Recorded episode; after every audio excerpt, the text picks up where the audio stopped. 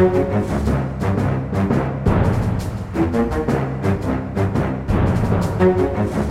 nei, av og til så skjer det jo så viktige ting eh, at vi bare må eh, rykke ut og lage ekstra podkaster, og det gjør vi i dag, Kjetil. For en fredag! For en fredag. Altså, vi har jo altså, fulgt eh, prosessen for en ansettelse eh, av en ny sentralbanksjef siden altså tidenes morgen. Det har vært en føljetong fra i høst. En frydefull føljetong, vil jeg si. Ja, ja, ja. Og en berg-og-dal-bane i, eh, i prateklassen og jeg vet ikke hvor mye utover. Men det har vært stor interesse rundt det, og vi har jo eh, vært på. Så selv om Trine Eilertsen nå er i Alpene, og Sara Sørheim har påtatt seg ansvaret som en slags utegående reporter, så, så møtes vi for å bare gjøre opp litt status etter at, eh, at det endelig kom for en dag at det blir hjemvendende eh, Nato-generalsekretær Jens Stoltenberg, tidligere statsminister, arbeiderpartileder. eh, Alt som er institusjonen Det norske, kongelige norske Arbeiderparti, som nå skal vende hjem og ta over disse oppgavene. Er, er vi overraska? Um, nei, jeg tror det hadde vært mer overraskende om Ida Wolden Bakke hadde fått den. eh, men eh, det blir jo mer bråk når Jens Stoltenberg eh, får den. Ja, ikke sant. Fordi Vold Bakke, da, som var eh, altså fortsatt er visesentralbanksjef Ja, dette, er jo, altså, dette er jo egentlig en merkedag i likestillingen. Nå, det, nå skal en kvinne få prøve seg som sentralbanksjef i noen måneder. Og så skal vi se hvordan erfaringene blir med det. Nettopp til en kompetent mann tar over. Ja. Ehm, nei, nei, fordi at det har, ja, det har, det har tatt lang tid. Det, har jo, det var jo egentlig Jeg vet ikke om det var varsla, men det var i hvert fall spekulert i og antatt at denne eh, utnevnelsen ville skje for bortimot en måned siden. Ja, DN hadde en sak om at planen var 14. januar, og så er det andre kilder som sier at nei, det var aldri planen. Så, eh, og så har det jo, så Søkelisten ble offentliggjort midt i desember, og så har det vært jul og sånn innimellom. Så om det har tatt lang tid eller ikke, det, eh, det er, jeg er litt usikker på det, egentlig. Det jo, for dette skal jo tas opp i, i Kongenes statsråd. Eh, og en av de fredagene så ble prinsesse Ingrid Alexandra 18 år. Og da skulle hun for første gang være til stede i Kongen i statsråd. Og da måtte jo statsminister Jonas Gahr Støre være der. Og da kunne de ikke ta Nei, eh, for ansettelsen, fordi han er- inhabil. Ja, nettopp. Ja, Bare for å gå helt uh, til, til uh, fakta her. Så prosessen, Hvem er det egentlig som ansetter? Det er Kongen i statsråd. Uh. Eh, og så er det finansministeren som har saken, som er ansvarlig for saken. Og så virker det som om, altså, har jo han forankret det i regjering, men det, vært, det virker som det har vært en ganske luk, tett prosess. Det har ikke vært veldig mange som har vært involvert. Det har ikke vært tatt opp i en regjeringskonferanse eller noe sånt. Men er, det, men er det Vedum som da sitter og gjør dette selv? Men for selve prosessen har vært drevet av embetsverket. Ja, Da har du et eh, ansettelsesutvalg som, i embetsverket som uh, jobber med saken og intervjuer og sånne ting. Og så, kan, så kommer sikkert finansministeren inn og, delt, og har et intervju med de mest aktuelle kandidatene også. Og så kommer da uh, de med en innstilling til, eh, til finansministeren. Det skjedde midt i forrige uke. Uh, og, og det som er interessant når du ser på hvordan Vedum har, og Finansdepartementet har håndtert denne saken i dag, er at de er veldig opptatt av å få ut informasjon om prosessen.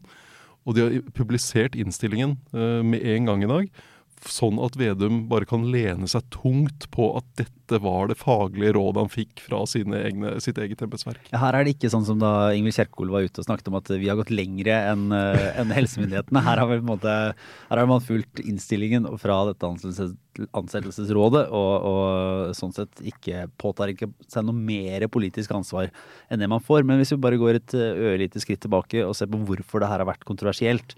Fordi eh, et flertall av partiene på Stortinget har jo uttrykt seg kritisk til at Stoltenberg skulle få denne jobben. Um, og flere typisk kommentatorer, eh, deriblant eh, deg, Kjetil, har jo vært kritiske til, til, til liksom det å skulle hente inn en så politisk kraft som Stoltenberg til en sånn rolle. Hva, hva er det den i korte trekk har gått på den kritikken? Altså den kritikken har handlet om Norges Banks uavhengighet. Eh, Den er, eh, Norges Bank har en veldig uavhengig rolle, eh, det, og det er på hvordan banken utøver liksom kjerneoppgaven sin. Pengepolitikken setter rente, da, som folk merker mest i hverdagen. Og du har også klare kriterier i loven, egen paragraf, om hva som skal til for at en en sentralbanksjef kan sparkes, f.eks., og en visesentralbanksjef.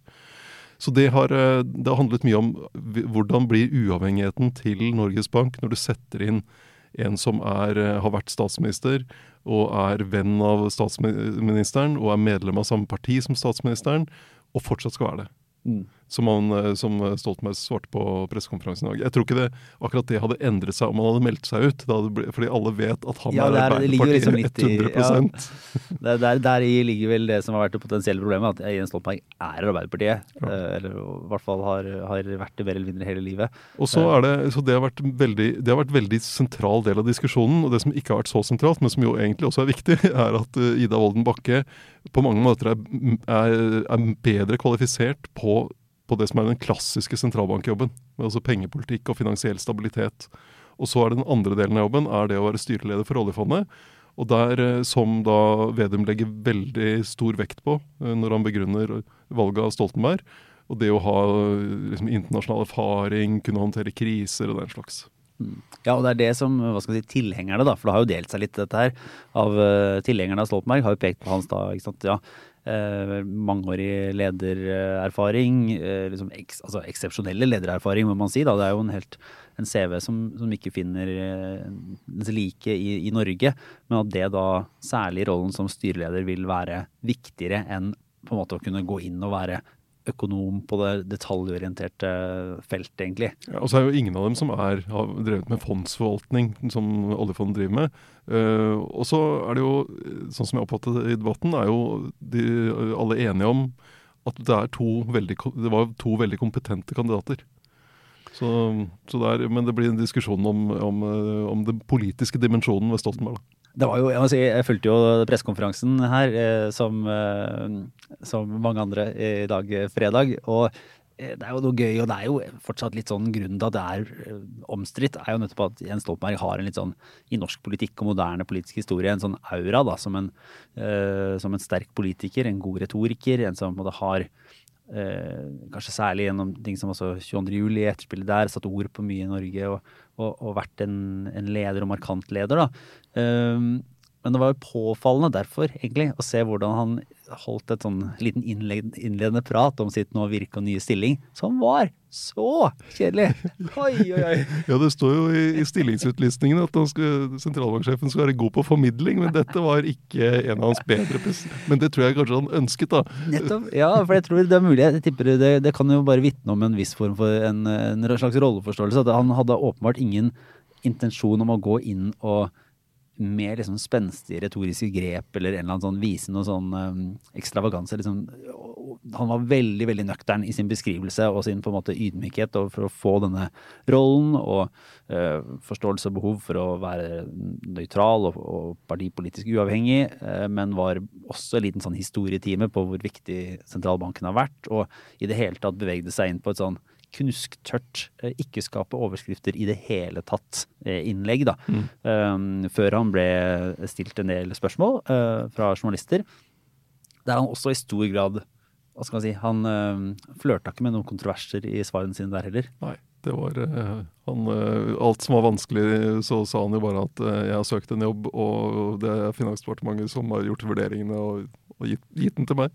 Som på en måte er, det er både formelt riktig, ja, ja øh, men som også de gjemmer seg unna noe av det som faktisk har vært, vært debatten. da, som så han fikk jo spørsmål da, som i bunn og grunn handlet om hvordan skal han håndtere friluftslivet sitt med Jonas Gahr Støre og middagene med Knut Brundtland og sånn, og da viste han jo bare til at han, han er vant til å håndtere den type ting.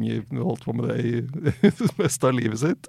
Som, som han jo har. Ja, ja, som han har, men det, har, det, altså, det, ble jo bråk rundt den middagen, og det ble jo bråk rundt den turen til Sognsvann, så han har jo på en måte ikke det, det har jo, En kunne jo like gjerne brukt det som eksempler på at både ikke er så fryktelig lett, selv etter, etter åtte år som eh, generalsekretær i Nato og mange år som Arbeiderpartitopp. Det er jo mm. ikke helt greit. Men, men det, er noe, er så uh, Stortingspolitikerne som har vært skeptiske, det ser jo ikke ut til at det nødvendigvis får noe stort Altså Det kan få et politisk etterspill i Stortinget, fordi Fremskrittspartiet har vel varsla at de vil ha en kontrollsak. og, og Gransking tror jeg Sylvi ja. Listhaug har brukt som ord. Også flere andre partier har også sagt at de vil se om det er noe de vil stille spørsmål om.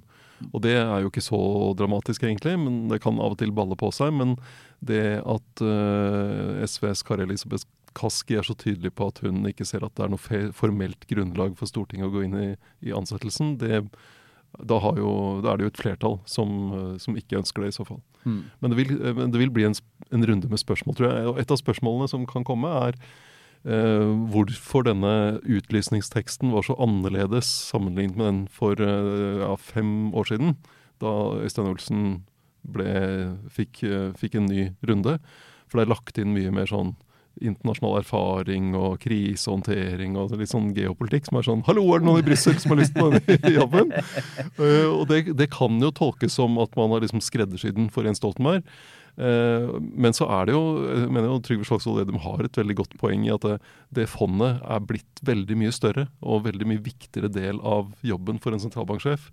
Så det er liksom riktig å, å ha inn noen nye ting i en stillingsutlysning i, i 2021 sammenlignet med 2016.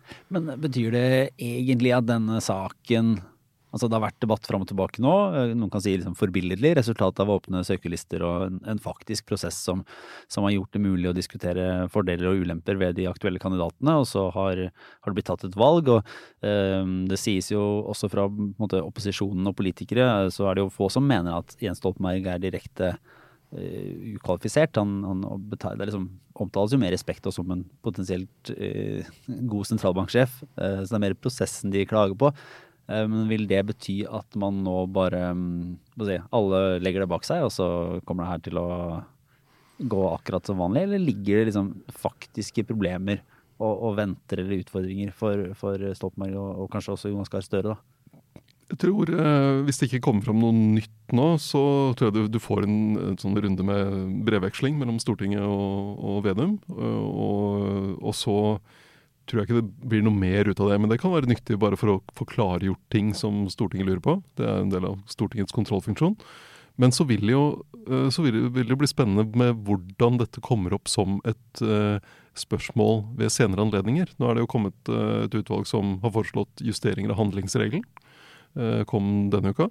Eh, det er jo et eh, viktig tema i norsk politikk, viktig tema for regjeringen også viktig tema for noe som en sentralbanksjef kan ha synspunkter på. Og nå kommer jo da pappaen til handlingsregelen kommer inn i, uh, som sentralbanksjef. Og hva skjer hvis noen tenker, lurer på om, som, som, det kom spørsmål om, da, og hva om Støre og Stoltenberg har gått og snakket om handlingsregelen rundt Sognsvann eller på vei til Kikkut? Så, sånne, sånne, situasjoner vil jo veldig fort kunne oppstå, også fremover. Men fordi frykten, eller, eller, hva skal jeg si, det som dreier seg om eh, spørsmål om uavhengighet, er, er hvis sentralbanksjef da Stoltenberg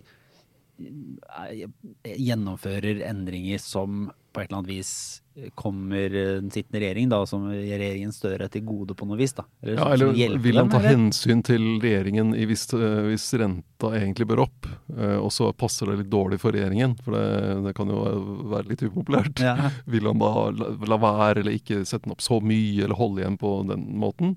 Og så er det mer også den, er det en en, en, dialog her som ikke normalt ville vært mellom en sentralbanksjef og en regjering om andre politiske saker som gjelder økonomisk politikk. Det, det er sånne spørsmål som, eh, som, jeg tror vil komme opp. Mm. Vil kunne komme opp. Og så, og så, er det i tillegg det som jeg, jeg skal gå og skrive kommentar nå etterpå, som jeg som også syns er, er, interessant, er den, det at det legges så stor vekt på den oljefondsdelen av jobben. Uh, og hva betyr det for Norge at du, altså Øystein Olsen uh, Ikke noe galt med han, altså, men han er jo en ganske grå, anonym embetsmann. Mens nå setter du inn en, eh, en politisk superstjerne som styreleder for oljefondet. Det gir en helt annen profil på fondet ut i verden. Det var jo Siv Jensens bekymring da hun deltok i debatten om dette. Nemlig at det gir fondet en mye mer sånn tydeligere politisk profil. Og er det ønskelig, egentlig? Når vi, har, vi til nå har bare tenkt at nei, det, tatt, dette er bare pengene våre, de skal bare ut i verden og tjene litt, uh, sånn at vi får pensjon når vi blir gamle. Ikke noe å bry seg om, ikke noe å se her. Det, det, og der syns jeg ikke at Vedum svarte godt. Nei, det blir jo også litt, litt interessant med tanke på var det Jonas Gahr Støre som uttalte seg til Financial Times, hvis jeg husker riktig, i høst. Der han på en måte, ifølge kritikerne, og kanskje helt reelt, gikk lenger enn tidligere i å si at oljefondet ville være et politisk redskap, eller altså, jeg husker ikke helt formuleringen, men liksom ville ha en politisk rolle da, eh, framover. Og nå, mm. da, jo, da, blir det jo enda mer interessant å se at man setter inn noen til å være styreleder der som har en veldig klar politisk bakgrunn. Ja, og så kan, kan eh, Stoltenberg gjerne si ja, jeg har vist at jeg ikke involverer meg i norsk politikk og klart å håndtere integritet og sånne ting, men det du ser utenfra, og også her hjemmefra, er en som har vært statsminister i åtte år, Natos generalsekretær i åtte år, eh, er medlem av statsministerens parti nå. Det, det er det han er. Det kommer han ikke unna. ja, ja det, det blir, blir spennende å se. Da, for uh, Sara Sørheim får da fortsette sin ute, utegående virksomhet oppe i marka der på ski. Sjek, nå sjekker i marka om det er noen skumle samtaler. Ja, og, og, og følge med, for det er tydeligvis uh, omtrent der det skjer, da, og i, rundt middagsbordet til Knut Brundtland. Uh, det ville også vært å, å følge litt med. Men eh, ja, nei, vi får jo bare se. Mulig vi kommer tilbake til dette i den vanlige utgaven av Aftenpoden som kommer på, på torsdag også. Kan tenke seg at Trine og Sara også har lyst til å snakke om den saken. det er mulig at de kommer til å ta en liten sving eh, tilbake, og at det har kommet noen flere reaksjoner og, og flere uttalelser. Eh, Jens Stoltenberg har jo ikke gitt noen måte, dypere intervjuer om dette ennå, og det så ut til at han kom til å ja, eh, ikke prøve å ha sånn kjempehøy profil på, på aktuelle spørsmål her. Han har jo litt annet å drive med litt annet å drive med. Ja. Ja, ja. Nei, men eh, vi, vi følger det, og så ser vi videre. Og så ønsker vi alle en, en riktig god helg, da, alle sammen. Og det var en, denne lille ekstrautgaven av Aftenpodden i anledning Jens Stoltenberg som ny sentralbanksjef. Ha det bra!